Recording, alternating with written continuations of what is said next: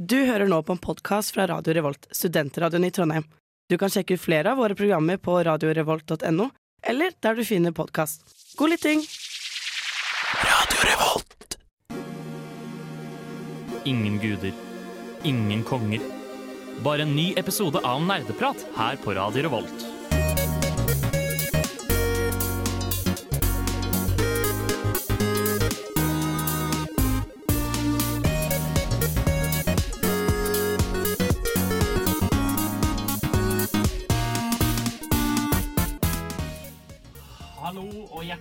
Tilbake til nok en ny episode med Nerdeprat.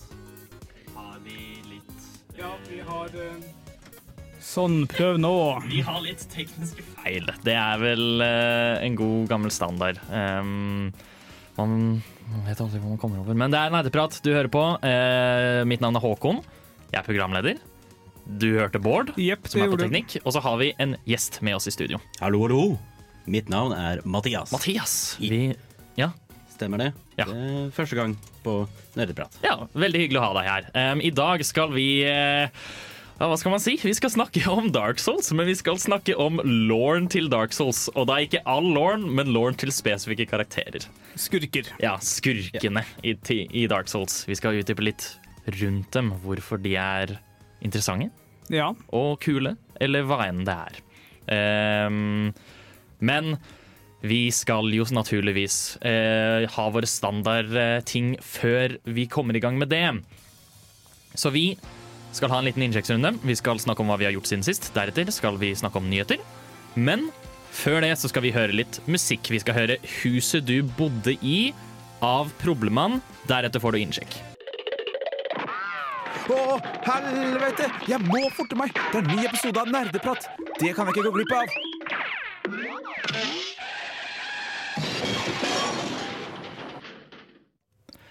Der fikk dere også Mallgirl med 'Close My Eyes' eh, her på Nerdeprat. Vi kjører på med en kjapp liten innsjekk, og det er jo da kanskje naturlig å høre med Mathias. Ja. Hva du har gjort siden sist, eller bare hvem er du? Kan du vel også starte med, kanskje? Ja, siden, sist så vil det da være hele mitt liv. Jeg ble født i 19... Eh, nei da, så Nei, meg, meg. Jeg spiller spill, jeg ser på anime. Jeg eh, koser meg og vil si at jeg er ganske nerd. Eh, Ja. Så kan du si ja, ting jeg har holdt på med nylig. Eh, så holder jeg fremdeles på med første playthrough av Elden Ring. Ja, ikke sant? Uh, det er sånn jeg hadde en liten pause i et par uker nå pga. andre ting uh, som tok prioritet. Men nå har jeg nettopp blitt ferdig med en av de hovedbossene. Det området. Magi, Magislottet. Ja, ikke sant? Eh, jeg har faktisk tatt en av de andre hovedbossene før, før denne bossen. Eh, så siden jeg sleit med å komme meg inn dit.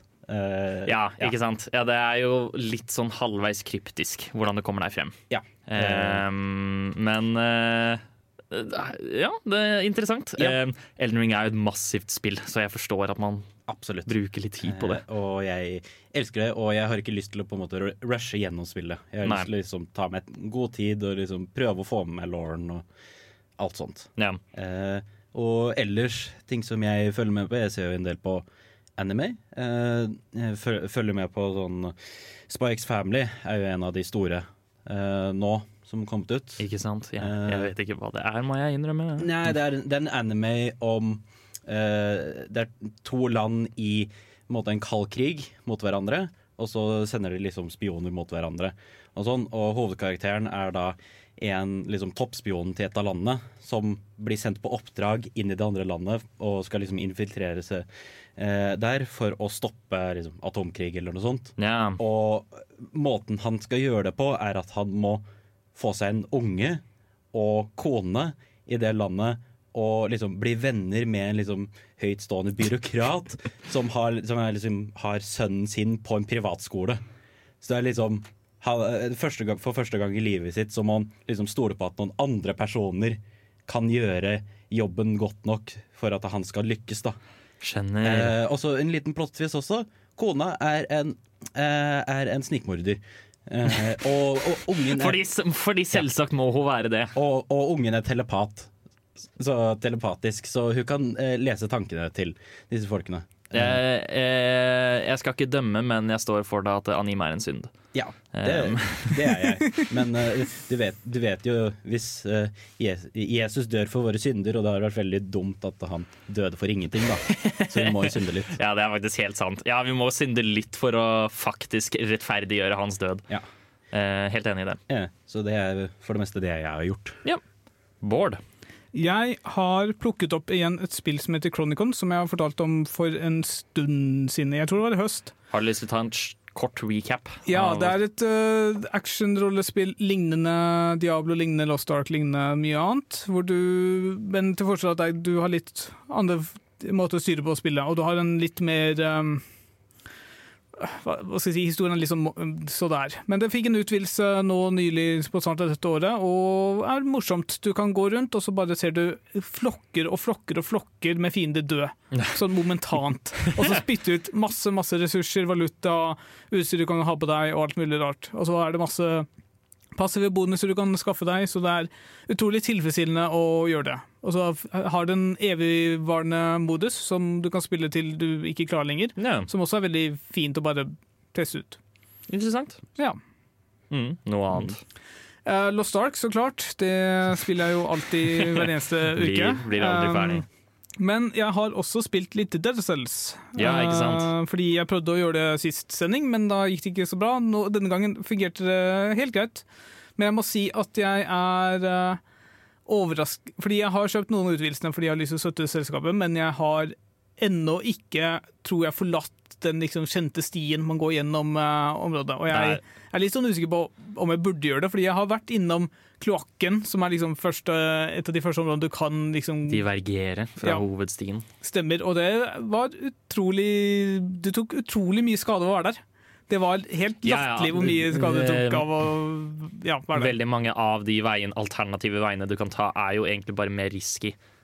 Det Ja. eh, Men eh, ja, det tok meg også litt tid før jeg fant eh, inngangen til DLC-ene. Men jeg, jeg tror jeg, jeg prater med noen folk, og de skal gå dit og gjøre noe Mm. sånt. Så det er mulig jeg har funnet veien. Jeg må bare spille dem mer, som jeg egentlig ikke har fått gjort, fordi jeg har spilt andre ting. Ja, Men liker du dem?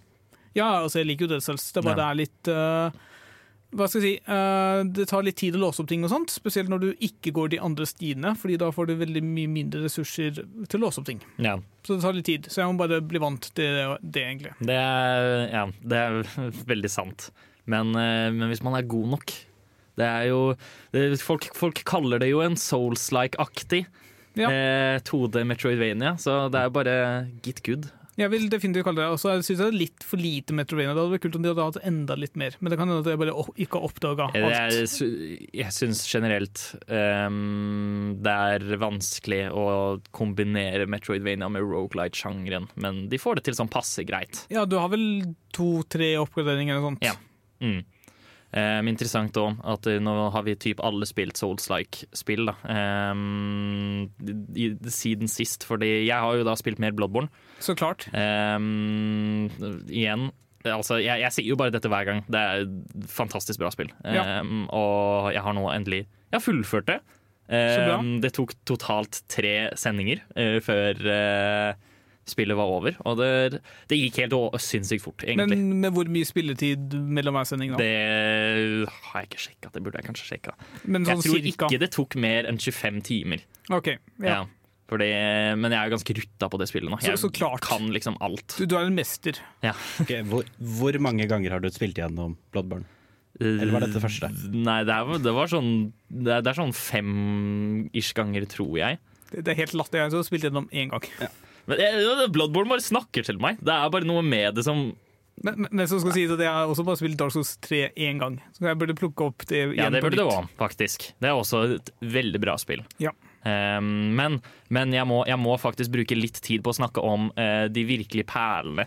Um, og da aller mest Ultimate Fishing Simulator. Jesus Som er virkelig Virkelig noe av eh, det koseligste jeg har hatt det på veldig lenge med videospill.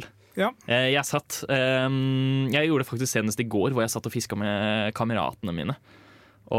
Jeg, men jeg blir også samtidig eh, litt sånn redd Fordi eh, jeg innser at jeg kan egentlig ikke så mye om fisking.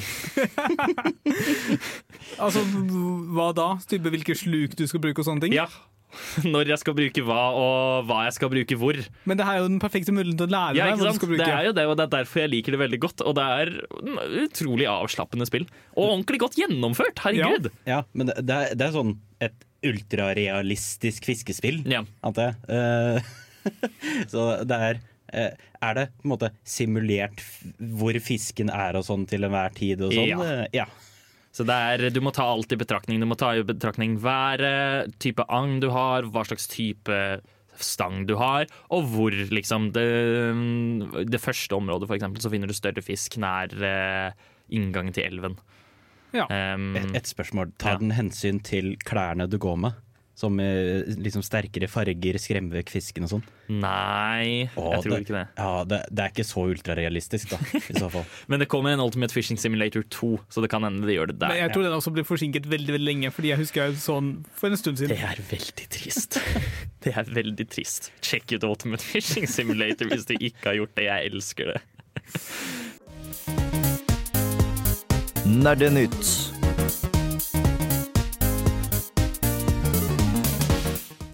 Vi skal prate om litt grann nyheter. Det har Eller det har jo skjedd noen ting, da, men ikke veldig mye samtidig.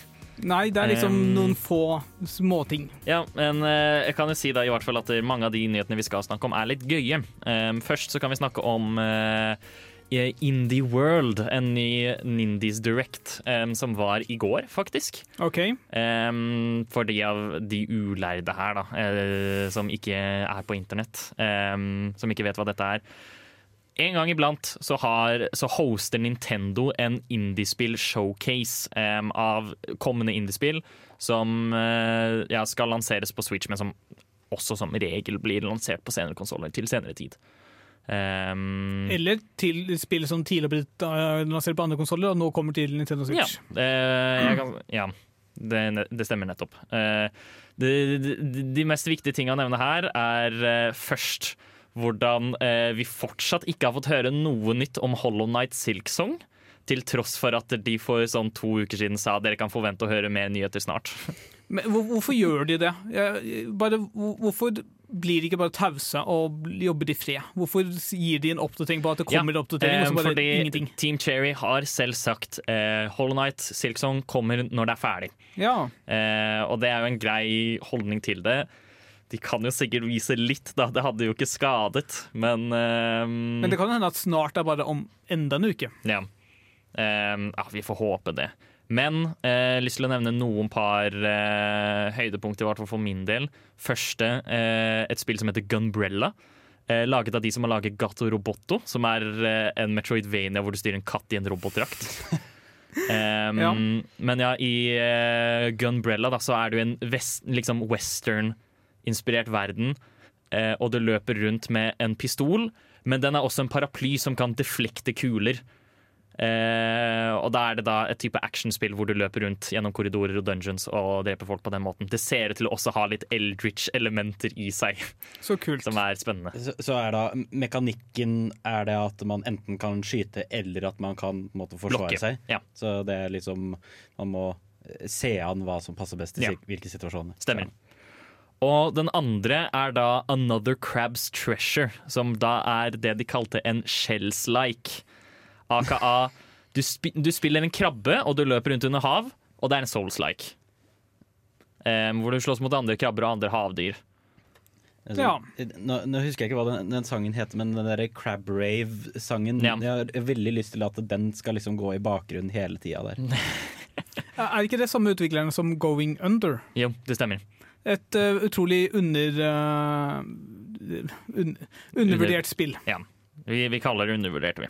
Ja. Mm. Um, det var en del andre spill som jeg ikke rekker å nevne nå, men sjekk det ut hvis du syns eh, slike spill er gøy. Det var et par andre gøye spill der, kan jeg si. Spill er jo som regel gøye. Mm. Um, videre, jeg har lyst til å ta av denne nyheten her, fordi vi har snakket en del om det på Nerdeprat allerede. Men em, de har uh, I det siste så har de prøvd enda hardere å klare å uh, desarmere uh, alle atombombene i Metal Gear Solid 5. For de av dere som ikke vet, så kan man gå online, invadere andre spilleres baser og de-arme eh, atombombene man har lagret på basen sin. Hvis man klarer å deaktivere alle sammen, så får man en liten cutscene hvor man har oppnådd verdensfred. Ja, og det har visstnok blitt eh, Så vidt jeg husker, så ble det gjort på PlayStation 3 en gang i tiden. Ja. Men har utenom det kun blitt lekket via liksom, spiller, spillfiler og sånne ting. Um, og nå har det kommet fram at der, eh, det er praktisk talt umulig å få til, i hvert fall på PS4 og slikt. Rett og slett fordi Konami eh, har latt eh, blokkerte PlayStation-kontoer eller blokkerte kontoer generelt være med i opptellingen av atombomber, men du kan ikke invadere dems eh, mother bases fordi de er blokkerte. Ja, Som vil si at det er faktisk helt umulig å få eh, oppnå verdensfred på ekte. Liksom helt lovlig sett. så synd. Og det er jeg, jeg, Hvorfor det? Tenk om Metal Gear Solid var veien til verdensfred. det? Det hadde jeg likt å se. Ja. Um, en siste kjapp nyhet som vi kan nevne, er at Elden Ring har solgt veldig veldig bra. Uh, I sin første måned så har spillet solgt 13 millioner kopier. Um, som jeg tror er, uh, det er Det er veldig mye for et spill å være, først og fremst. Eh, men også bare det bestselgende Soul-spillet hittil, tror jeg. Ja. Um, så det er bra. Det liker vi. Eh, de har jo fått det til med Elden Ring, åpenbart. Haha, du aktiverte nettopp mitt trap card. Nå er du nødt til å høre på nerdeprat til episoden er ferdig. Nani?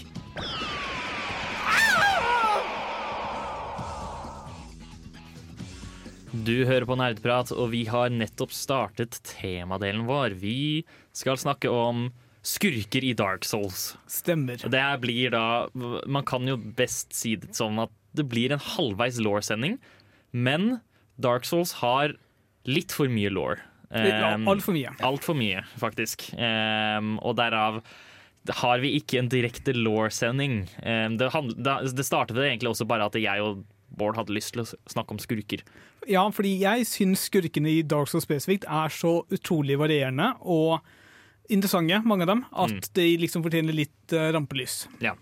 Så, um, og da har vi lyst til å ja, utheve dette spesifikt. Disse, disse karakterene og hva som gjør de unike i både design og historie. Og da vil det uunngåelig bli masse snakk om law, fordi det er mye av det som uthever disse karakterene som spesielt interessante også. Ja, men også hvordan de i spillet da kanskje enten overgår forventningene de du har, eller undergår dem totalt og bare er kjedelige. Det skjer jo av og til. Og, Ja. og, og særlig faktisk i Dark Souls 1, som liksom har typ en av de sterkeste historiene i serien, men samtidig Ja. ve veldig mye Det, det er en god blanding av eh, hva skal jeg si, bra og dårlige skurker. Ja. Ja, definitivt. Vi, vi får vel kanskje starte med å det, Poenget da er at denne sendingen her er for deg som er et ordentlig Dark Souls law-hode, eh, og syns det er dritgøy og spennende. Men ikke nødvendigvis hvis du ikke har spilt Dark Souls og du har lyst til å spille det. ja, da burde du skru av og spare den her til en ukes tid når du har fullført spillet. Ja. Da burde du holde deg litt unna. Eh, eventuelt om du ikke syns dette er interessant i det hele tatt, om du bare spilte Dark Souls fordi ah, det er gøy at det er vanskelig. Ja. Um, ja. Men vi må vel kanskje starte med å introdusere litt settingen. Ja, eh, fordi de som har sett åpningen, så ser du at eh, det starter med en verden i mørket, og plutselig så kommer det ild. Og det som da skjer, er at eh, tre eller fire, eh, litt avhengig av hvem du spør, eller hvor du ser på det, hva, Kommer- hmm, hva var han siste igjen? Å, jeg har det på tunga. Åh. Nei, tar du den vitsen? Nei. Nei, det er, det er bare um, Det er The Furtive Pygmy, da. Ja. Um, som, som, de alt, som de liksom sier 'so easily forgotten'. Stemmer. Det, det, det var det jeg prøvde Som å da liksom, er eh, hva skal- en slags forfeder for menneskeheten, eller i hvert fall den linjen som hovedpersonen kommer Ja. ut av. Mm. Uh, og de tre andre uh, skal vi gå, komme tilbake til senere. Men disse tre, ledet av Gwyn, som en, en av de tre, bestemmer seg for å ta ned dragene som da regjerer dette mørkelandet. Og nå som da ilden har kommet, og de har fått sjelene til å, og makt fra dem. Mm. Så, så hele, hele historien begynner på en måte Verden har vært liksom i en konstant bare mørke, og dragene har regjert, og de er liksom udødelige og sånn. Og Det, er- det er ikke noe liv og død i Ja. denne verden. her. Ja, det er ingenting Ja. som skjer. Ja. Eh, og så plutselig så er det bare Det kommer en flamme, og det er, det er disse eh, tre, fire Ja. eh, hovedkarakter... eller ikke hovedkarakterene, men disse eh, Ja, Gwyn eh, blant annet eh, kommer fra, da. Mm. Får makten sin bra. Ja, de, og da finner de da på en måte ja, det som best beskrives som the Lord Soul, som gir de makt, og basically gjør det til guder. da. Ja, de kaller seg jo rett Mm. og slett for guder i senere spillet. Og det er en ting som Dark Souls gjør veldig ofte, um, eller, eller Soul-serien gjør veldig ofte, kan man vel si, og det er at de gjerne forteller deg på en måte Alle disse karakterene er viktige. Det her er det som har skjedd. Men så blir du, blir du på en måte plassert i en verden hvor du kan nesten si apokalypsen har skjedd. da Eller verden er i ferd med, med å gå under. Ja. Um, så, så du får ikke se noen av disse tinga når Gwyn dreper dragen og når folk tar over og sånt. Du får bare se når verden er i ferd Når flammen er i ferd med å slukne. Altså, dette har skjedd for uendelig lenge siden. Ja. Altså, Så utrolig lenge siden. Uh, vi kan også starte litt på din egen historie. Du våkner i et asyl og setter uh, ferden da mot uh, Filing Shine. Ja. Mm. Men du er, du er på en slags ekskursjon, eller Nei, pilegrim... Pilegrimsferd, ja. Ja, pilegrimsferd, for å da prøve å eh, redde verden. Det, Det er det du får, forespiller spillet for deg. Siden disse karakterene Det er en enkelte mennesker i den verden som har liksom fått denne forbannelsen over seg, denne undead curse, Ja. eh, som eh, det, Jeg vet ikke om det blir forklart i introen, liksom, eller noensinne eh, hvordan det oppstår, men eh, det er det enkelte som da aldri kan dø, egentlig. Mm. Og Ja. de blir da transportert til dette asylet, og har, det er en sånn egen profeti om at eh, den, eh, det- Den utkårede ja. vil rømme herfra og redde verden. Ja. Mm. Så det er eh, en stor oppgave man eh, står overfor, da. Eh, og ja, der fikk dere et kjapt, eh, kjapt lynkurs i intro, introduksjonen til Dark Souls. Fordi du, du, du forlater, du er, alt dette har skjedd, eh, flammen er i ferd med å slukne, du er nødt til å redde verden, og da har du så mange forskjellige motstandere. Og det er jo de vi skal snakke om i dag. Ja. Ja. Um, og vi skal eh, gå videre med å snakke om kanskje den største, det største punktet av uh, law etter åpningen som du Mhm. får, um, etter vi har hørt Viagra Boys med Ain't No Thief. Hey the DJ MacLeod Banks. Du er på Nerdeprat. Baku! Det stemmer, du hører på Nerdeprat. Jeg nevnte før låt at vi skal snakke om kanskje det mest eh, relevante stedet for historien til Dark Souls utenom liksom alt som skjer i starten. Ja. Eh, og det er da eh, Anor Londo. Eh, først må vi bare starte med det, liksom, den fuckings ubeskrivelige følelsen. Når du, har, når du har kommet deg gjennom hele det første området i Lordran, klatret Sen Sense Fortress, og så blir du belønnet med det vakre synet av Anne Londo. Fordi Sense Fortress er jo faktisk bare en prøvelse. Du, du, Ja. blir, du må liksom En test for å komme deg inn til Anorondo. Det, Sense Fortress har liksom designet for å være sånn Det skal gjøre deg jævlig sur. Ja. Ja, Du skal bli dritsur av det. Det er jo bokstavelig talt designa med at gjør du én liten feil, trår ett feil steg, så kan du ende opp på bunnen. Ja, da dør du. Ja. Så det, den, det er Anne Londo er jo da det, er gudenes by, rett og slett. Ja. Eller Ja. eh, den delen av gudene som hører til Gwyn Ja. sin by. Eh, og det er jo måte, et massivt sted. Så det er jo åpenbart at det er ikke bare disse hovedgudene som vi måte, interagerer med. Det har jo vært populert av en masse guder, sannsynligvis, opp gjennom tidene. ja, nettopp. Men når vi kommer dit, så er det jo vært forlatt i tusen år. Men det du Det ser ikke ut som det har vært forlatt, fordi det ser jo flunkende nytt ut. Det har denne gylne, gylne gløden til seg. Den vakre solen i avstand, på en måte, og masse fiender overalt. Og så eh, Her møter du jo også uh, kanskje den mest ikoniske bossen i hele spillet, um, som er på en måte den Hvis du klarer denne bossen, så klarer du Dark Souls, og det er Ja. da Ornstein og Smaug. Som i seg selv er ikke så veldig viktige folk. Altså jo, uh, Ornstein er en ridder for Gwyn, liksom sjefen over alle sjefer, men Smog er bare en bøddel. Han, han har prøvd å bli ridder så mange ganger, blir avvist fordi han har så. Han gleder seg over jobben han har som bøddel, og det, det ryktes til og med at han uh, knuser bein og putter dem i maten sin. Ja, ja. Ja, helt fucking sinnssykt. Og du ser jo det også i videoen, hvor hvis du dreper Ornstein først, Ja. så tar Smog og bare knuser Ornstein med hammeren ja, jeg- og absorberer Jeg, lik, jeg liker det veldig godt. Du får faktisk et inntrykk av karakterene gjennom det lille cutscenet. For hvis du dreper Smoke først, så absorberer Ornstein liksom kraften hans, eller noe sånt, slik at han blir massiv. Um, og, og han på en måte Han viser et tegn av respekt, selv om de på en måte ikke likte hverandre. Eh, mens Smoke bare smasher han med hammeren sin med en gang han faller. Det er sånn, det ser ut som han har tenkt til å reise seg opp og er sånn, å, jeg, jeg klarer mer. Men Smoke sier nei. Ja. Smasher den.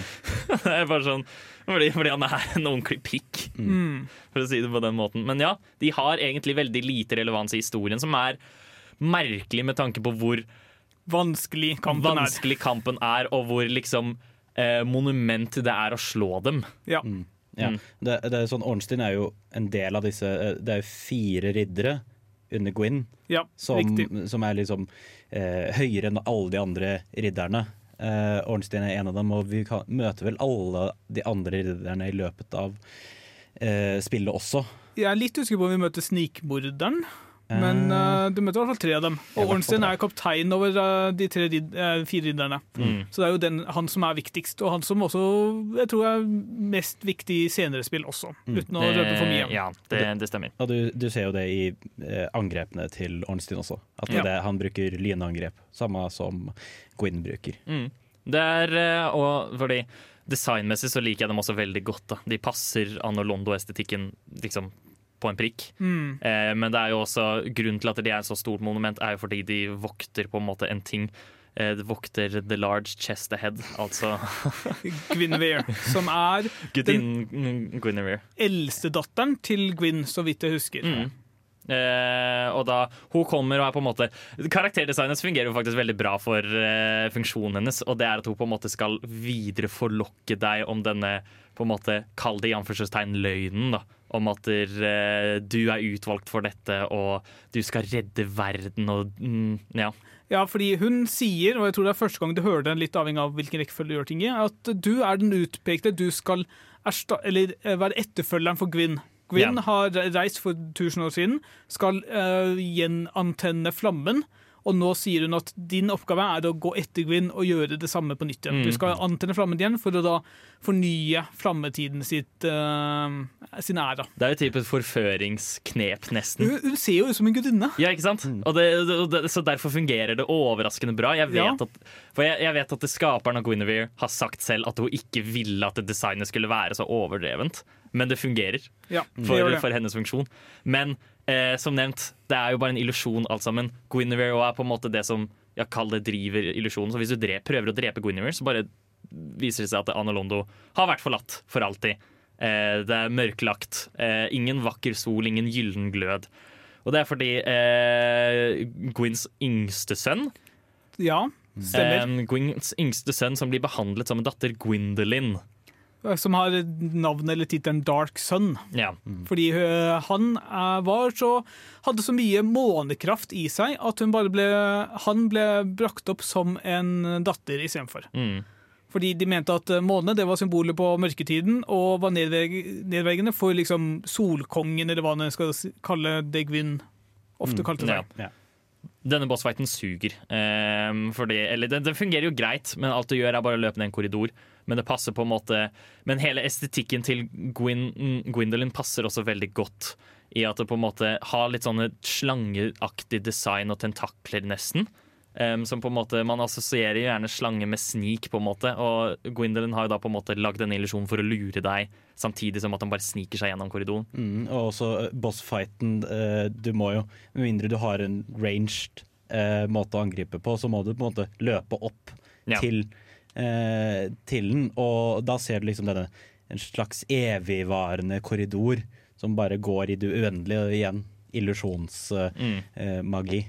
Mitt hovedproblem med Gwendolyn er at det er ikke åpenbart at han eksisterer før du liksom får vite det på en eller annen måte. Du, du, du må liksom, fordi en- Det er to måter. Enten så dreper du Guinevere, eller illusjonen og Guinevere, eller så finner du et eller annet sted, du finner ring som Ja. du kan liksom hjelpe, begynne å hjelpe Gwendolyn da, til å liksom angripe de andre som da prøver å komme seg gjennom slottet. Men det er jo en helt uh, valgfri kamp, Ja. selv om det er en person som er så viktig i historien. Men jeg, men jeg liker egentlig det veldig godt, fordi det er på en måte hele han, han prøver jo å bare overtale deg til å eh, til å faktisk gjøre den oppgaven du er ment til å gjøre.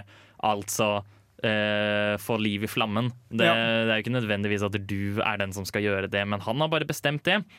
Um, så, så hvis du ikke oppdager det, så er det, da har jo han bare gjort jobben sin bra. Ja. Det, han er jo ikke iherdig slem, kan du vel si, men han er på en måte Han prøver jo å fortsette tradisjonen av at flammen skal linkes, som det Ja. kalles. Og det er eh, Jeg syns Gwendolyn er en god karakter. Dagens sending av Nerdeprat er sponset av Raid Shadow Le... Au! Au! Ouch! Unnskyld! Unnskyld! Neste punkt som vi skal snakke om, er eh, Vi skal gå videre, da.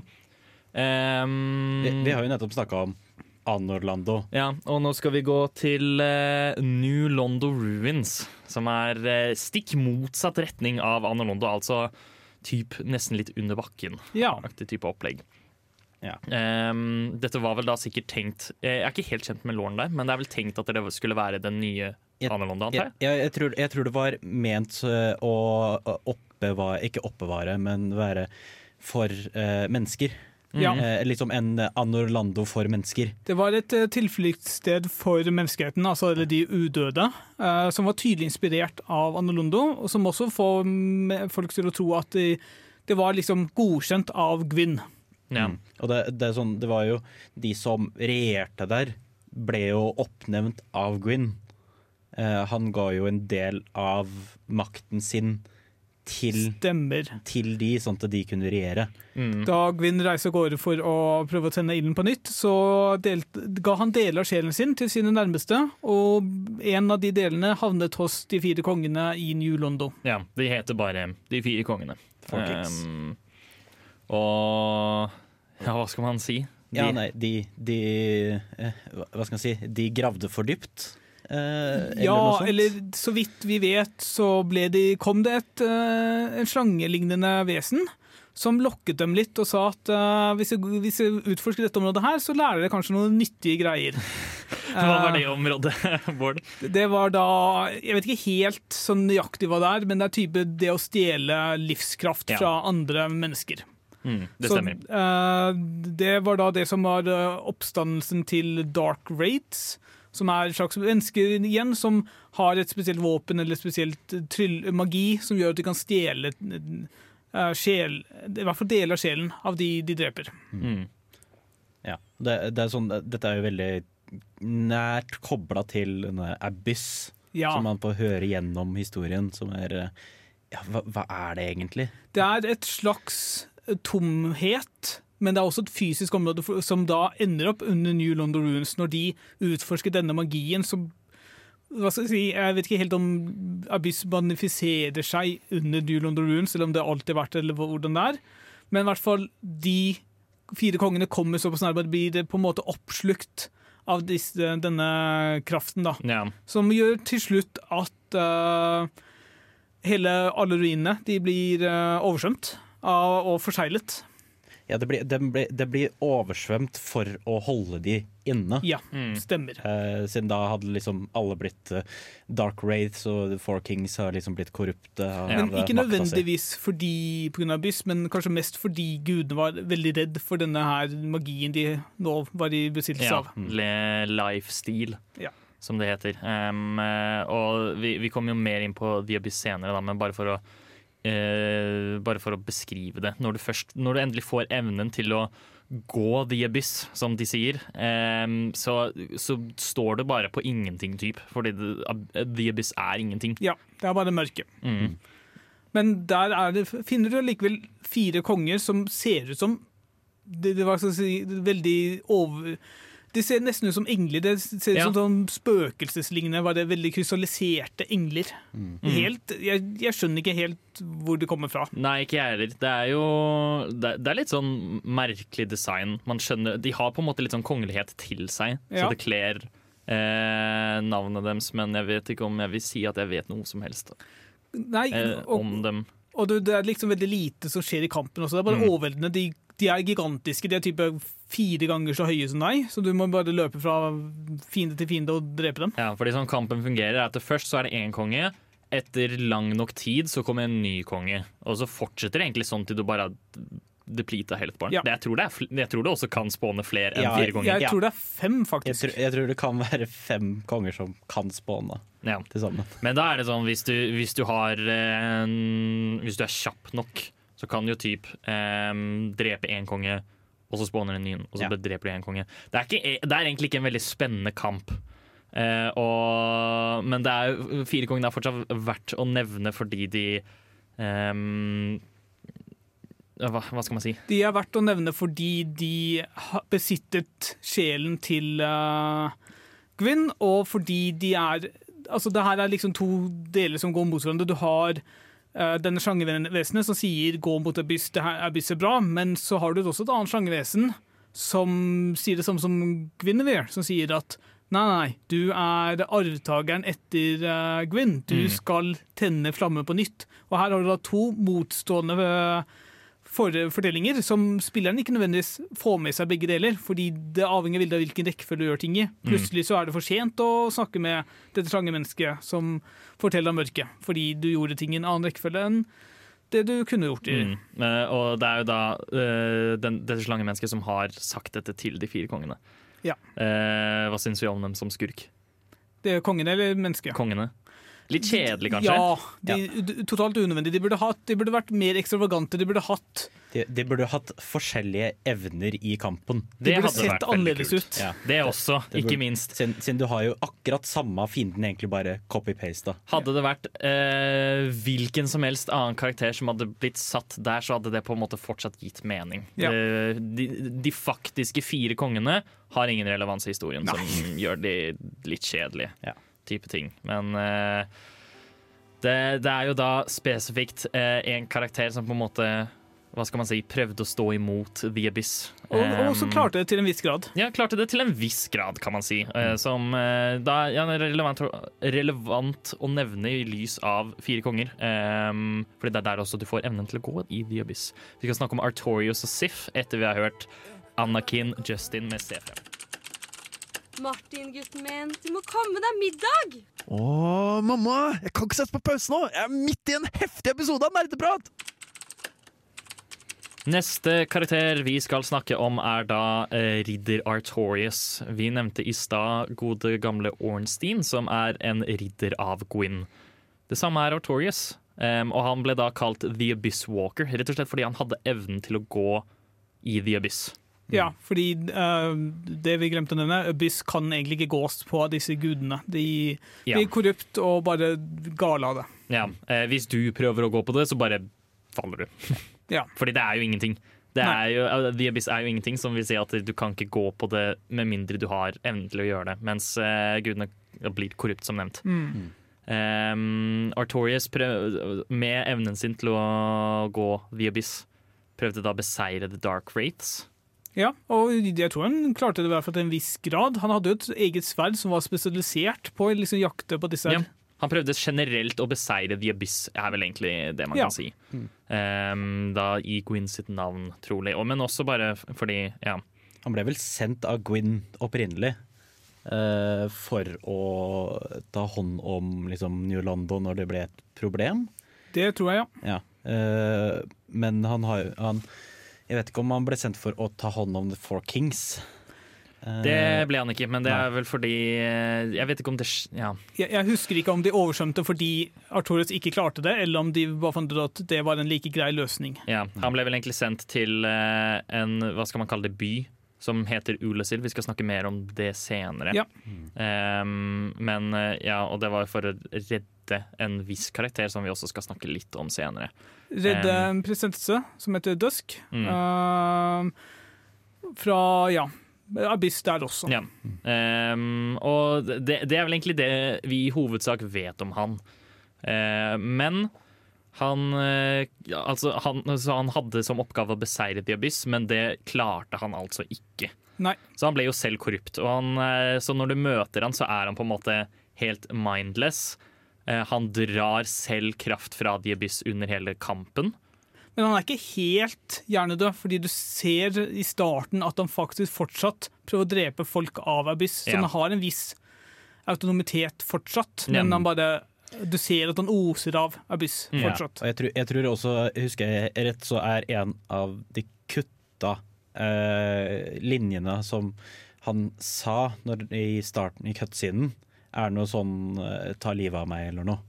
Uh, Ja, ikke sant. så det, det er åpenbart at det, det var meninga Eller sånn, de ville kommunisere at han er ikke uh, Han er korrupt. Han har blitt korrupt, men han har fremdeles eh, litt av hodet med seg. Mm. Det er derfor da kanskje merkverdig å nevne da, at Artorius ikke per def er en skurk, men en tragisk helt. Ja, Han ofra seg jo faktisk seg selv for å redde hunden sin, uh, Sif. Mm.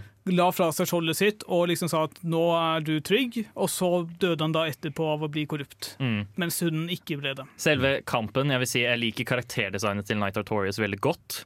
Em, og i tillegg bare hvor Altså Han er jo en av de vanskeligste bossene i det spillet. Mm. Um, men også bare det faktum at han, den ene armen hans er jo brukket mens du slåss mot han.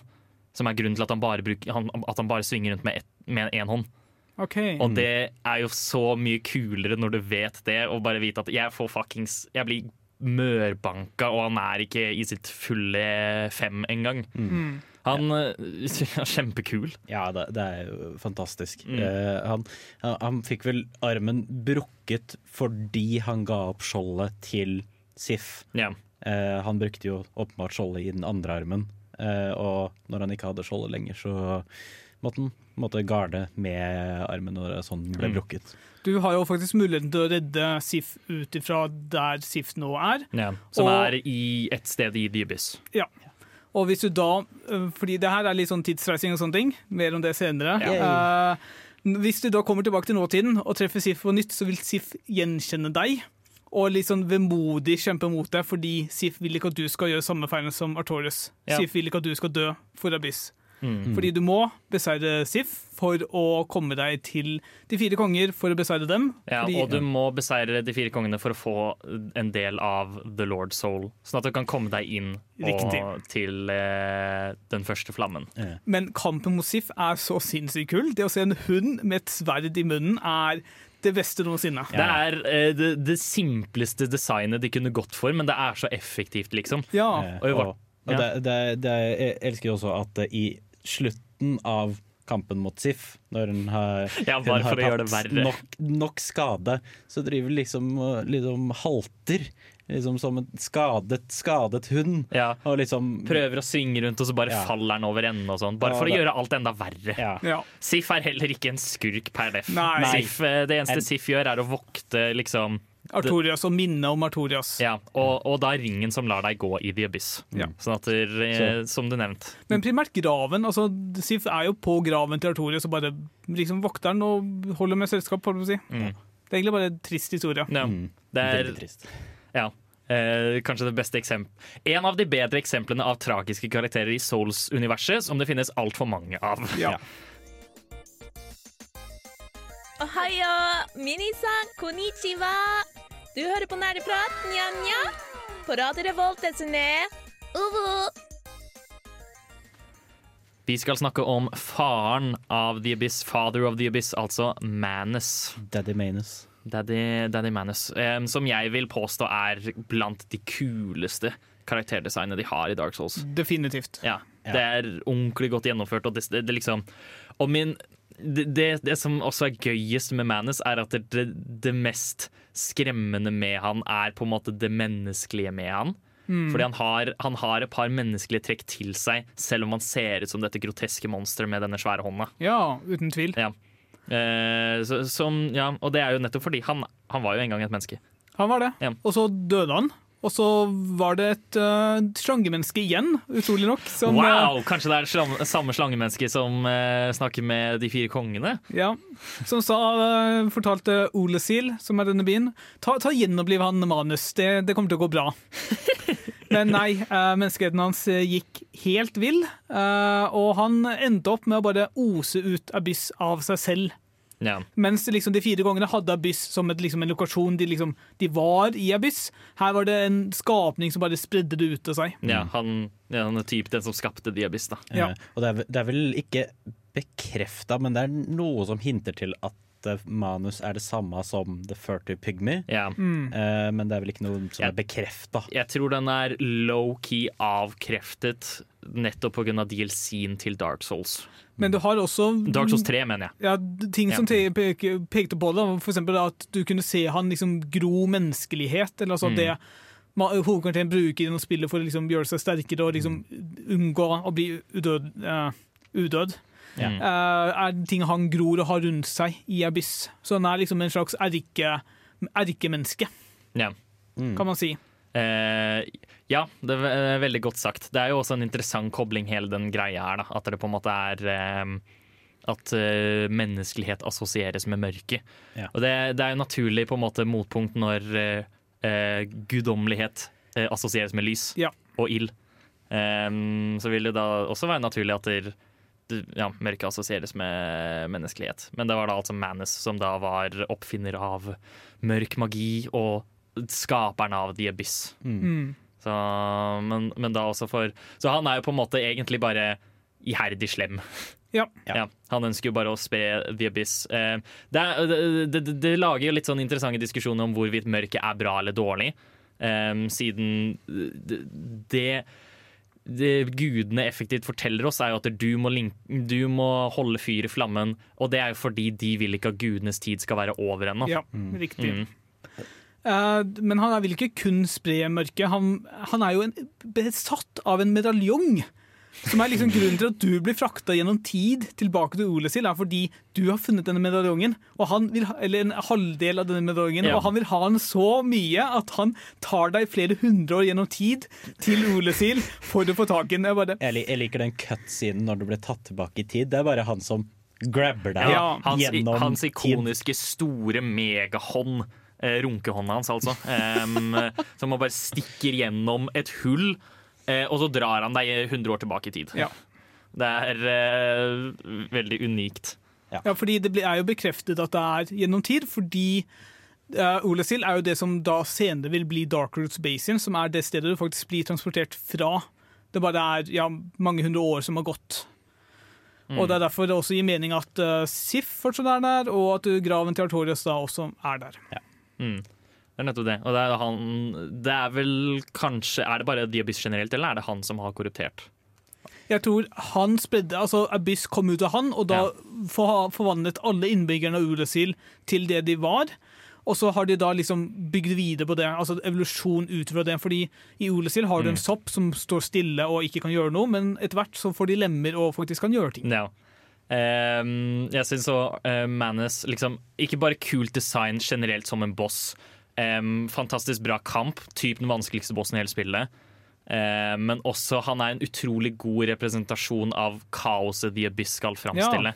Selv om det på en måte er ingenting, så er det også kaos. Han er en visuelt veldig tilfredsstillende karakter. Ja. Ehm, sånn sett en av, virkelig en av de bedre skurkene. Og bare en ja, gjennomført karakter. Ja. Ehm, ja. Yeah! Hei, hvor er det du går hen, da? Festen er ikke over ennå, du hører jo fortsatt på nerdeprat! Woo!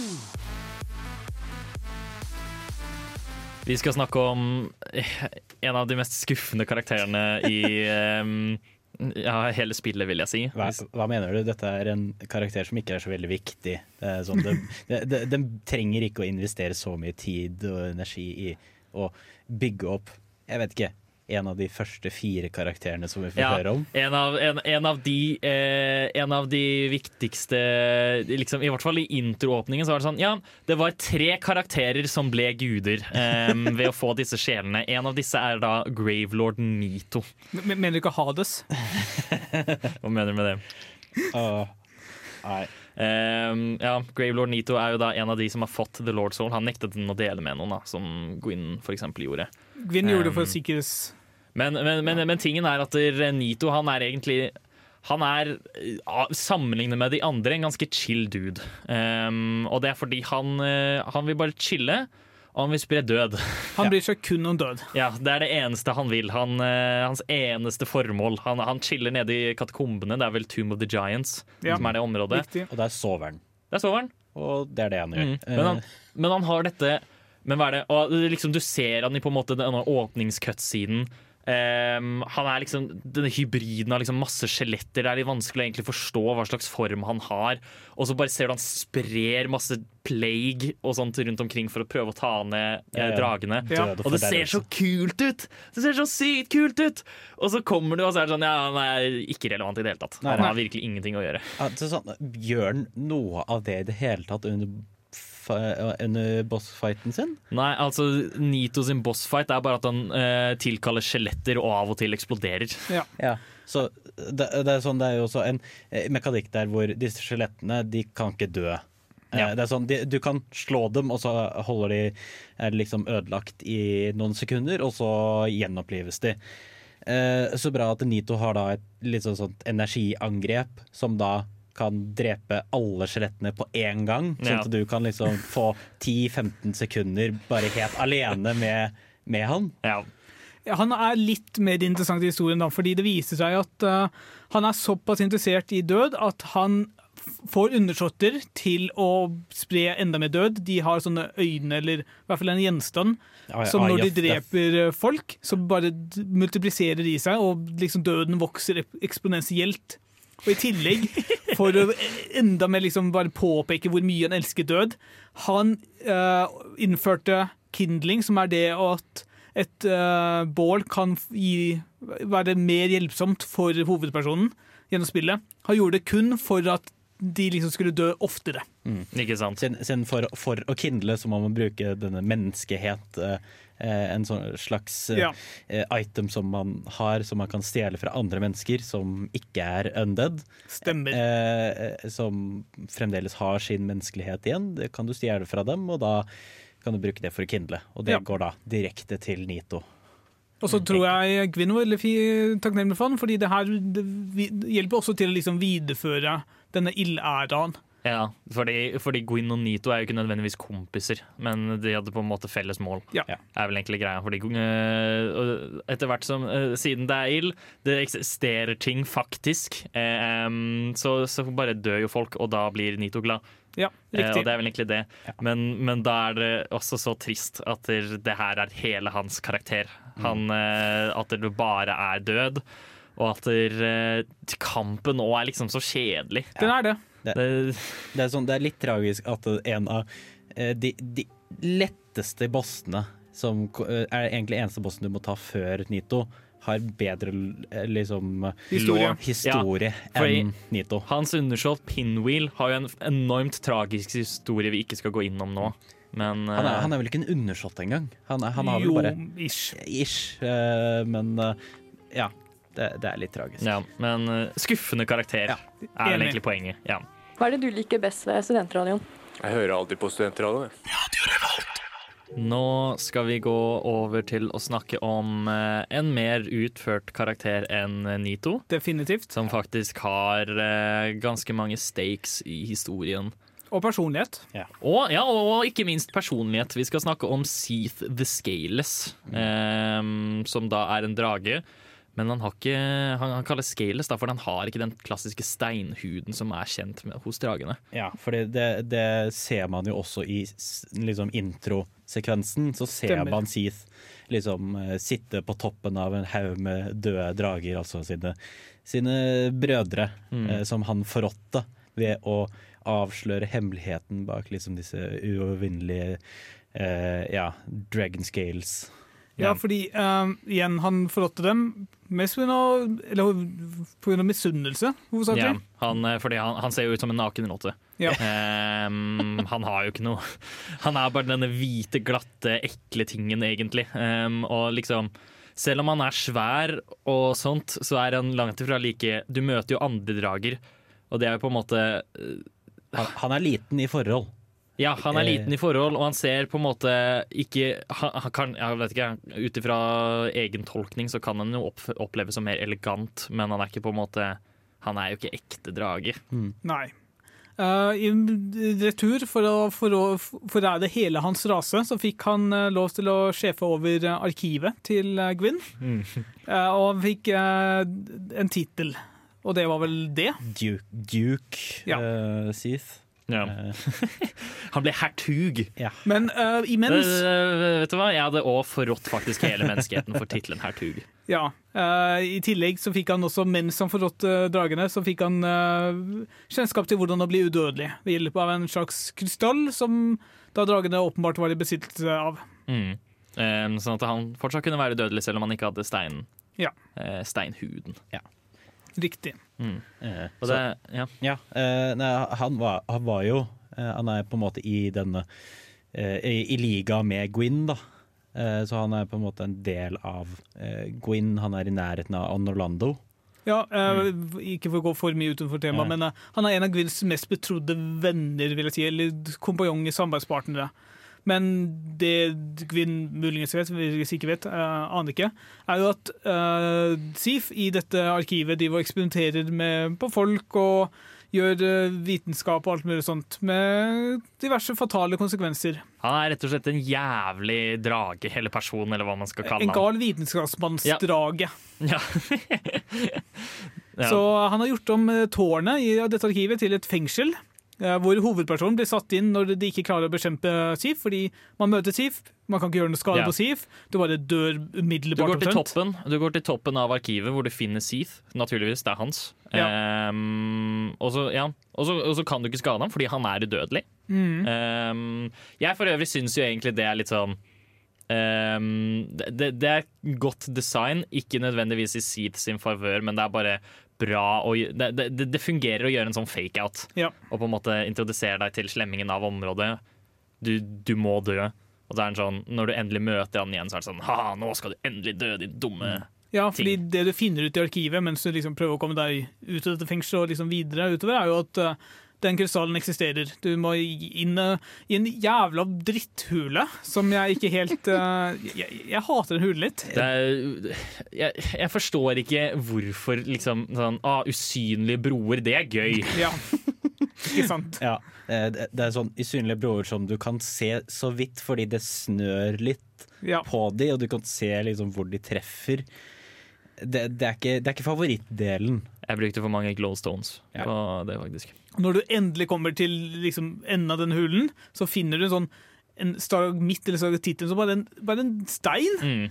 Og så kommer Siv flyvende fordi ja, eh, du skal ikke klare å gjøre noe med den, men du gjør jo det. Det er Ja. dritlett. Du bare Fordi- løper rundt han ja. Det er sånn, eh, fordi Alt du trenger å gjøre for å kunne skade Seath, er jo å ødelegge denne krystallen, og det gjør du ved å bare tappe den ned en gang. Ja.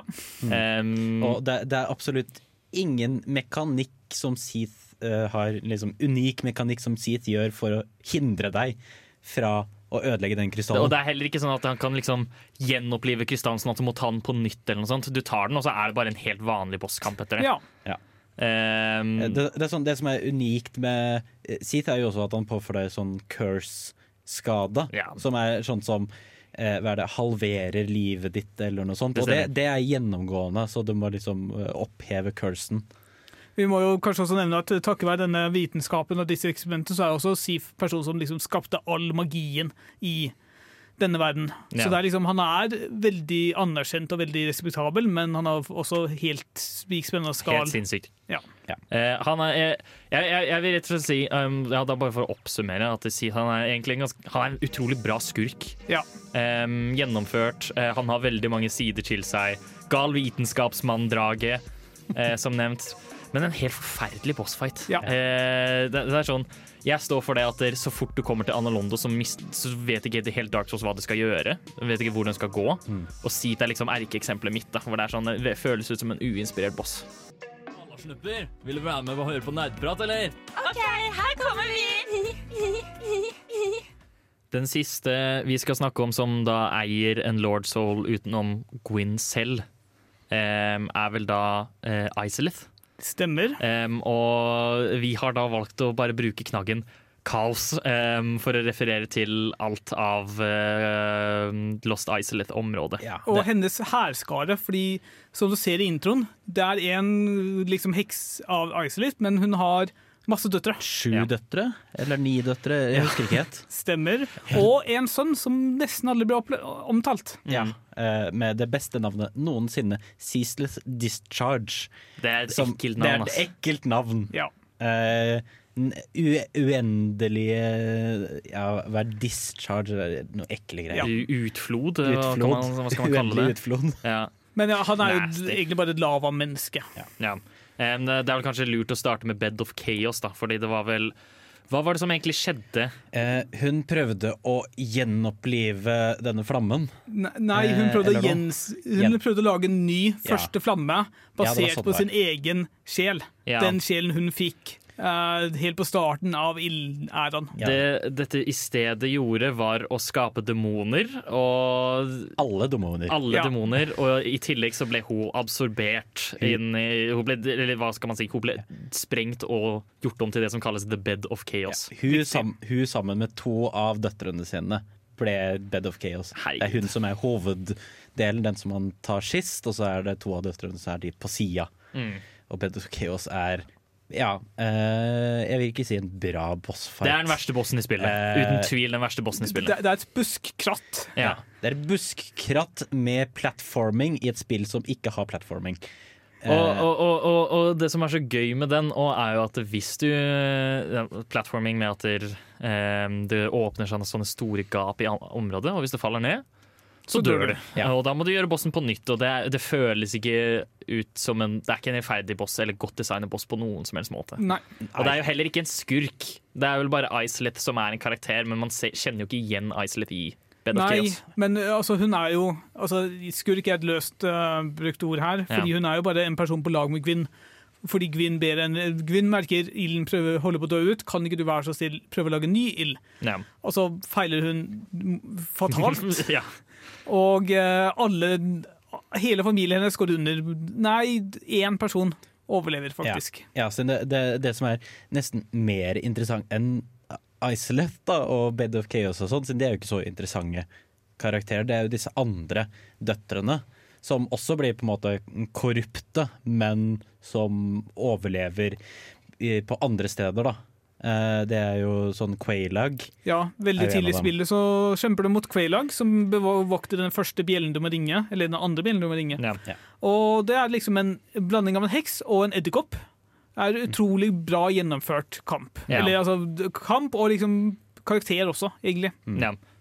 Du møter jo bare Rett etter du har eh, slått Quailag, så møter du også eh, Quailana. som er da også er typen edderkoppdame. Um, men hun holder på å dø til cursen, er det vel. Det, det, det er vel grunnen til at Quailag angriper deg også, er Ja. for å beskytte søstera si. Men, og, og også for å finne um, udøde som har humanity. Som, ha, som eh, kan utsette denne cursen. Eh, Men, og, og hun er blind, altså. Hun mistar jo deg for søstera. Hvis du har riktig gjenstand eller Ja. alt mulig sånt. Det er ganske trist. Det er utrolig trist. Um, det er også verdt å nevne da, at ja, som nevnt, eh, Isolate skapte demonene, og da møter du også Demon Fire Sage, som er den aller første demonen. Ja. Den eh, opprinnelige demonen. Det er, ikke så, det er vel egentlig ikke så mye mer å si, men eh, Isolate er fortsatt en merkverdig karakter fordi den har skapt så mye jævelskap i Lordran. Ja. Um, Og så er det veldig interessant å se på hvordan eh, Gwyn allierer seg med demoner etter hvert. Fordi de bruker demoner som f.eks. fangevoktere i Undead As yeah. Asylum og andre steder. Så det er fortsatt interessant at de liksom bruker den dårlige utfallet av dette her til noe halvveis bra. Ja, det sier vel kanskje litt om Gwyn sin karakter, da. Ja. De gjør vel kanskje det. Og det, apropos Gwyn, vi skal nå snakke om sjefen selv. Eh, Jeg elsker deg, nerdeprat. Vi skal være sammen for alltid, hver torsdag på Radio Revolt. Det stemmer, du hører på Nerdeprat. Jeg skal komme med en kjapp rettelse. Det er ikke Quaylana som er søsteren til Quaylag. Eh, hun er bare kjent som The White Lady. Quailana er søstera, men ikke den søstera Ja, som er ikke den søstra, ikke edderkoppsøstera til edderkoppdama. Eh, det er en helt annen karakter. Um, men vi må nesten gå innom eh, den siste, og da den som på en måte har utløst alt, egentlig. Ja, vi har Um, re referert til han gjennom hele sendinga, Ja, og det er jo da Gwyn, eh, som også kalles The Lord of Cinder. Um, det er vel fordi han hadde lyssjelen. Stemmer. Han ble vel kalt Lord of Sunlight eh, en gang i tida. Ja. Det er Eh, også sikkert. Og han blir kalt Lord of Cinder nå, Ja. etter at han prøvde å link the flame. Ja. Fordi han hadde åpenbart noe form for Han hadde følgere før han plukket opp sjelen, på en eller annen måte. Mm. Ingen vet hvordan, men han hadde det. Det, det, det, han, var bare, han var bare alfaen. Ja. Bare en bro, ikke sant? Og denne sjelen gjorde at han kunne drage lyn, som gjorde at han eh, kunne drepe dragene.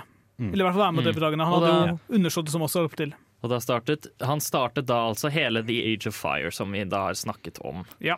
Eh, men så fort eh, flammen på en måte holdt på å dø ut, så i en last ditch effort for å liksom holde tiden av gudene i live, da, så går han og prøver å eh, linke flammen. Jeg er litt usikker på hvordan han oversetter det, men han, han holder flammen i live. Ja, prøve å tenne på nytt eller Ja. holde den i live. Og han gjør det, men måten han gjør det på, er å bruke typ hele sin essens, kan man vel nesten kalle det. Ja. Um, så han går hollow. Eh, han blir hul, som er, eh, i Dark Souls betyr at de bare blir fullstendig gale.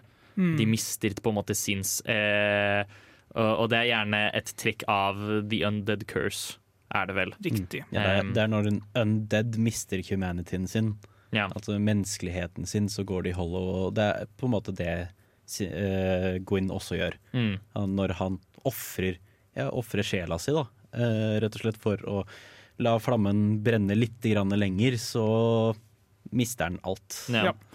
Han, mister også, han hadde jo en hær med seg da han dro til den, denne liksom første flammen, men de bare forsvant da han tente den på nytt. Ja. Ja, det- Eh, du ser jo et par av dem Ja. utenfor. Men ja. Ja, du har, du har et par av disse. Du har både Black Knights, eh, Mm. og du, du har Silver Knights, og så har du vel eh, Ja, det er vel de to type knights Ja. som Mm. er liksom følgere av Gwyn. Men vi burde kanskje snakke litt om hvordan er Gwyn nå på slutten, etter denne, all denne oppbyggingen her. Ja, fordi det er det som kanskje er eh, et av de største sånn herre Oi-opplevelsene Ja. i Dark Souls, og det er når du liksom har hørt all denne hypen om Gwyn, denne personen han er, eller ja, denne guden han er. Han virker liksom som tidenes mann, da, og på en måte ordentlig barsk og sånt, og så har du på en måte denne rolige pianomusikken, og bare ja, eh, Det er så antiklimatisk når du møter han. Altså Spesielt når du liksom har sett Guinevere, som er liksom en gedigen skikkelse, Ja. en gudinne omtrent, og så kommer du til Gwyn, som er liksom halvannen gang høyden din, eller noe sånt. Og så, Han, han, er, ja, han, er, han, er, han er kanskje hodet høyere enn deg. Ja. Um, og så og så- Det eneste han gjør, er jo bare han bare løper på deg og prøver å slå deg, fordi han har mistet alt vettet sitt. han har ikke noe lyn, han har liksom ingen ordentlig magi lenger. Nei. Mm, det er på en måte ikke den store bossfighten man kanskje forventa, men jeg syns også det fungerer. Ja, det, det er jo i hovedsak grunnen til at Gwyn fungerer så bra, Ja. føler jeg. At det, det, det passer så bra med Lauren at eh, han har liksom ofra alt for å link, link the flame, og dette er det som er igjen, da. Mm. Ja, jeg bare, ja det, Sånn historiemessig så passer det fint, men for alle de som ikke klarer å plukke opp historien, så føles det veldig antiklimaktisk ut å komme dit og bare Var dette alt? Ja, veldig antiklimatisk, men det er sånn eh, hvis man bare er litt oppmerksom, så er det på en måte Det er én linje som er på en måte tagline til alt. Da, og det er eh, Etter hvert så vil flammen gå ut, og only dark will remain. Eh, som vil si at Gwyn var på en måte desperat etter at tiden skulle fortsette.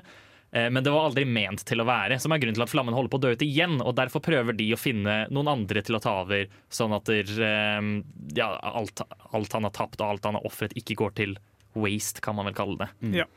Så det er um, Nei, hva skal man si? Mm. Også en tragisk karakter, men han er samtidig liksom ikke Han er jo ikke helt snill heller. Han, drepte, han hadde ikke trengt å drepe dragene. Nei, han utslettet alle dragene, og så er han sånn Og nå prøver de å overtale deg til å bli en, nok en pan til gudene. Ja. Så det er Ja. Ja, det, det, det er også det, det at det, det, det føles ikke ut som at det, det er på en måte, ja, du bare utsetter noe som uansett kommer til å skje. Det er sånn, selv om du ofrer deg, så Mm. kommer flammen til å slukkes på et eller annet tidspunkt. Ja, nettopp. Vi skal nå høre fra en mann som er veldig langt unna hva han syns om programmet Nerdeprat på Radio Revolt. Nerdeprat er veldig gøy! Vi snakker om nerdeting og dataspill! Sånt liker jeg! Vi står også veldig snart Vi står også snart veldig nær, langt unna studio fordi vi er ferdig for i dag. Ehm, Dessverre. dessverre. Vi har snakket om eh, Dark Souls, vi har snakket om uh, skurken i Dark Souls. Da er det viktig å uh, anerkjenne da, at når vi sier skurke, så mener vi det løst fordi vi slåss mot dem. Flertallet av de karakterene vi har snakket om i dag, er jo strengt tatt ikke skurker som i slemme. Nei. De er bare slåssefolk. Og nå, nå, nå har vi da gått gjennom 100% av Lauren. Alt som er i, det er virkelig verdt å nevne at dette er et ambisiøst prosjekt. Eh, Dark Souls Law er helt umulig å oppsummere på to timer, men vi har eh, gjort vårt beste. Eh, vi håper du likte det. Nå sier vi adjø, og vi sier adjø med å høre på Goodbye for a while av Mia Berg. Ha det bra. Ha det bra. Du har lyttet til en podkast fra Radio Revolt, studentradioen i Trondheim. Likte du dette, kan vi også anbefale. Er vi på nå? Skru på den der. Du må skru på den knotten der. Balalaika! Hva faen, er vi på? Balalaika! Hva faen, jeg kom for tidlig. Hvem? All! Verden! På Radio Revolt. Balalaika! Hvem i all verden? Det blinker veldig på skjermen. Er vi på nå? Når i all verden? Hva i all verden? Hvorfor i all verden? verden? Balalaika! Hvem i all verden? Balalaika! Hvem i all verden? Balalaika! Hvem i all verden? Hva faen, er vi på? Hvem i all verden? På radio Revolt!